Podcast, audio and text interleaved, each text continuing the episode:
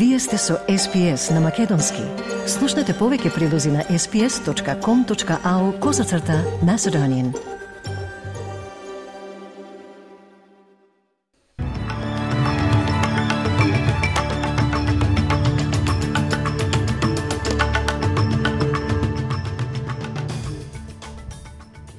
Од денешните билтен вести издвојуваме – Извештајот на Кралската комисија за попреченост треба да му биде предаден на генералниот гувернер. Универзитетите во Австралија паѓаат надолу на глобалното рангирање. Сојузната влада отфрли било какви планови за субвенционирање на горивото поради порастот на цените. Христијан Мицкоски најави блокада на законот за амнестија што треба да биде донесен по брза постапка. Долго очекуваниот извештај од Кралската комисија за попреченост треба да му биде предаден на генералниот гувернер пред неговото јавно објавување овој петок. Комесарите ќе му го предадат извештајот на Дейвид Харли денеска во домот на владата во Камбера, пред да го предадат на сојузната влада која ќе го представи во парламентот. Откако е основана во април 2019 година, Кралската комисија има сослушано докази од над 10.000 австралици, преку писмени поднесоци, приватни сесии и јавни расправи. Луѓето споделуваа искуство од насилство, злоупотреба, запоставување и експлоатација – Директорката на одборот за луѓе со попреченост во Австралија, Мишел Хайд, вели дека извештајот треба да се сосредочи со кршењето на човековите права со кои ќе се среќаваат лицата со попреченост во секоја држава и територија и дека како една од побогатите земји, Австралија има доволно ресурси да направи многу повеќе. We've come a long way since we first signed on to the CRPD, but we still have such a long way to go. The Disability Royal Commission has heard evidence from thousands of people with disability, as well as advocates, supporters, and representatives of government departments and service providers. And what it's heard is that we need to step up. As one of the wealthier countries to ratify the treaty, we have the resources to do so much more. Високи јазбени службеници се испрашувани во врска со процесот на донесување одлуки што доведе до отфрлање на понудата на Qatar Airways за дополнителни летови во Австралија. Собраниска истрага испитува како и зошто летовите биле укинати, исто како и влијанието врз авионските билети за австралиците. Пред истрагата сведочат високи функционери од секторот за транспорт и инфраструктура, секторот задолжен за оваа одлука – Владата нагласи дека одлуката е донесена во јавен интерес, но Qatar Airways тврди дека не е дадено значајно оправдување за одбивање на понудата. Marissa Purvis Smith е заменик секретар на оделот за инфраструктура.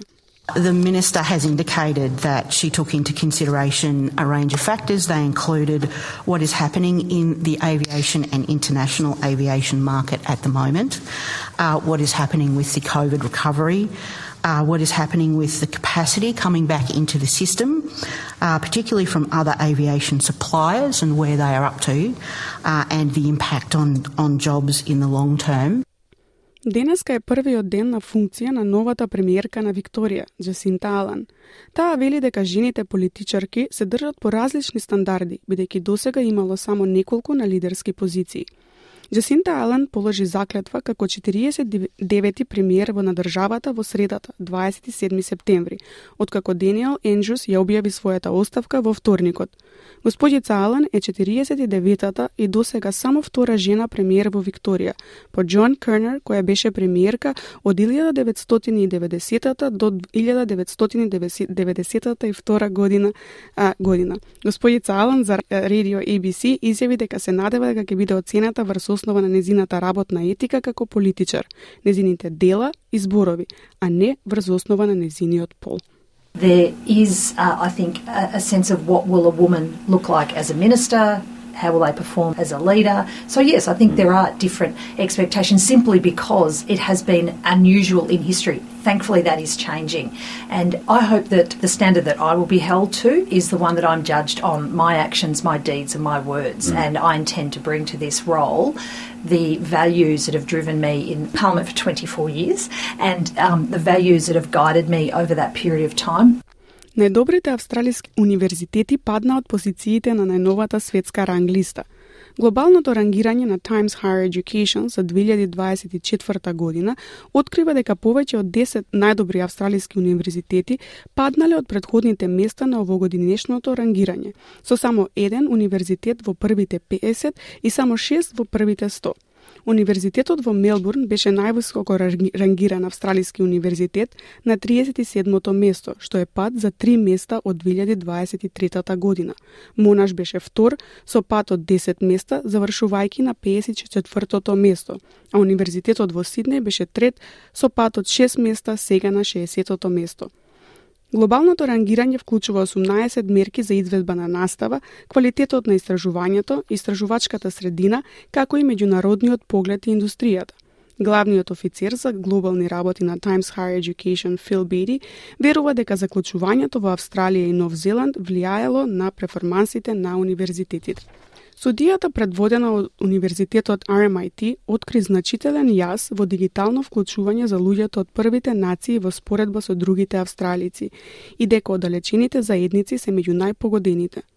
Судијата покажа дека 45,9 од 100 од учесниците на првите нации се многу исклучени од пристап до работи како што се мобилни телефони или пристап до интернет, споредено со 9,4 од 100 од останатата австралиска популација.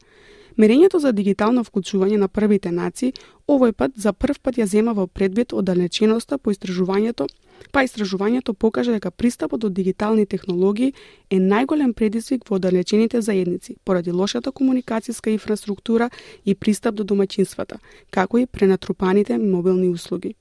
Водечкиот истражувач и научен соработник на RMIT, доктор Даниел Федерстоун, вели дека со поголемото преместување на основните услуги на интернет, треба да се направи повеќе за да се осигураме дека сите австралици имаат дигитален пристап.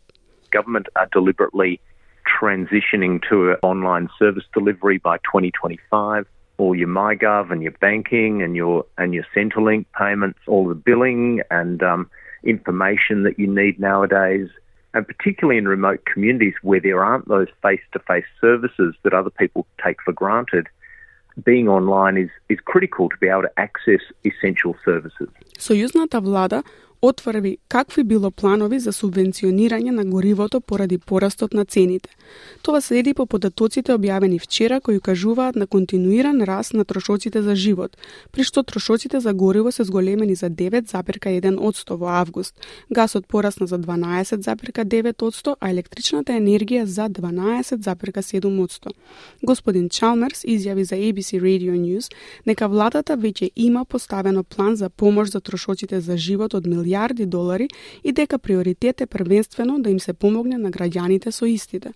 It's not something that we are currently contemplating, and one of the reasons for that is we've got, I think, uh, a much better way of providing cost of living help for people. I mean, we are literally right now rolling out billions of dollars in cost of living support, and we're doing that in a way that takes some of the edge off inflation rather than adding to it. It's our number one priority to deal, help people deal with these cost of living pressures. Uh, and that's costing billions of dollars, but it's money well spent and it's being delivered in a way that takes some of the edge off inflation without adding to it. Работниците за грижа за деца ќе имаат преговарање за нивно следно зголемување на платата откако ја добија одлуката преку Комисијата за правична работа Fair Works Commission. За прв пат, Комисијата за правична работа одобри процес на преговарање со повеќе работодавачи за околу 12.000 работници за загрижување деца давајќи им моќ да се здружат со колегите воспитувачи од преку 60 работодавци низ целата земја за да преговараат за зголемување на платите. Покачувањето до 25% е можно за работниците. Заменик директорот на Синдикатот на Обединетите работници, Сара Гарнер, изјави за ABC News дека членовите се возбудени поради преговорите. Early education is a historically undervalued uh, sector, and there is a huge crisis in the sector at the moment. Educators are leaving in droves because they simply can't afford to stay, and that is having an impact on families and children, and of course on educators and their own families. So, a pay rise, uh, a significant pay rise, is really urgently needed. That's why they're so excited about this decision because they can see the light at the end of the tunnel. Законот за амнестија кој завчера го усвои македонската влада во собранието ќе влезе по скратена постапка. ВМРО ДПМН најавува целосна блокада на процедурата за, него, за негово изгласување. Лидерот на партијата Христијан Мицкоски вели дека со амандмани ќе биде спречено донесување на законот, зашто ако се донесе, како што вели тој, од затвор ќе излезат криминалци како кои вакво ветување добили од ко коалиционите партнери СДСМ, ДУИ и Алијансата на албанците. Тоа се преземени обврски кон криминалците кои што се на ослужување на затворска казна. Можам да ги разочарам дека идната влада на ВМРО ДПМН има јасна намера да се пресмета со криминалот од било каков облик. Дали се тоа вакви криминалци кои што се занимаваат со изнуда, ограбувања, рекетирања, насилство и така натаму, или пак политичките криминалци кои што денеска се делат владата. Од светските вести денес, канадскиот премиер Джастин Трудо се извини откако председателот на представничкиот дом пофали нацистички ветеран во салата додека беше присутен украинскиот председател Владимир Зеленски. Председателот на представничкиот дом Ентони Рора поднесе оставка, велики дека направил грешка со тоа што го поканил 90, 98 годишниот Јарослав Хунка на обраќањето на Зеленски во петокот.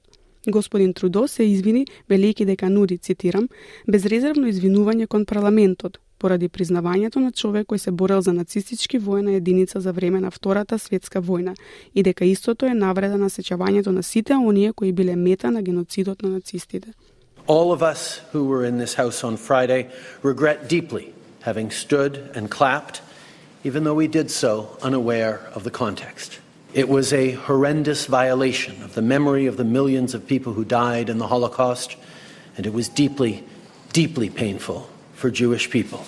It also hurt Polish people, Roma people, 2S LGBTQI plus people, disabled people, and the many millions who were targeted by the Nazi genocide.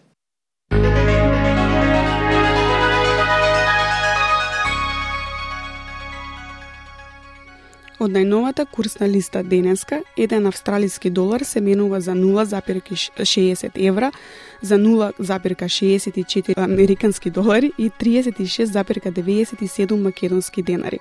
Додека еден американски долар се менува за 57,69 македонски денари, а едно евро се менува за 61,05 македонски денари временската прогноза за ден за главните градови утре. Во Перт делумно облачно со температура до 24 степени, во Еделајд сончево максимална температура до 28 степени, исто така и во Мелбурн сончево со температура до 25 степени, додека во Хобарт повремени врнежи со максимална температура до 17 степени, а во Камбера разведрување со температура до 26 степени. Во Сиднеј сончево до 29 степени, а во Бризбен делумно облачно облачно со температура до 27 степени. Дарвин сончево со максимална температура до 35 степени, а Али Спринг сончево со температура до 34 степени.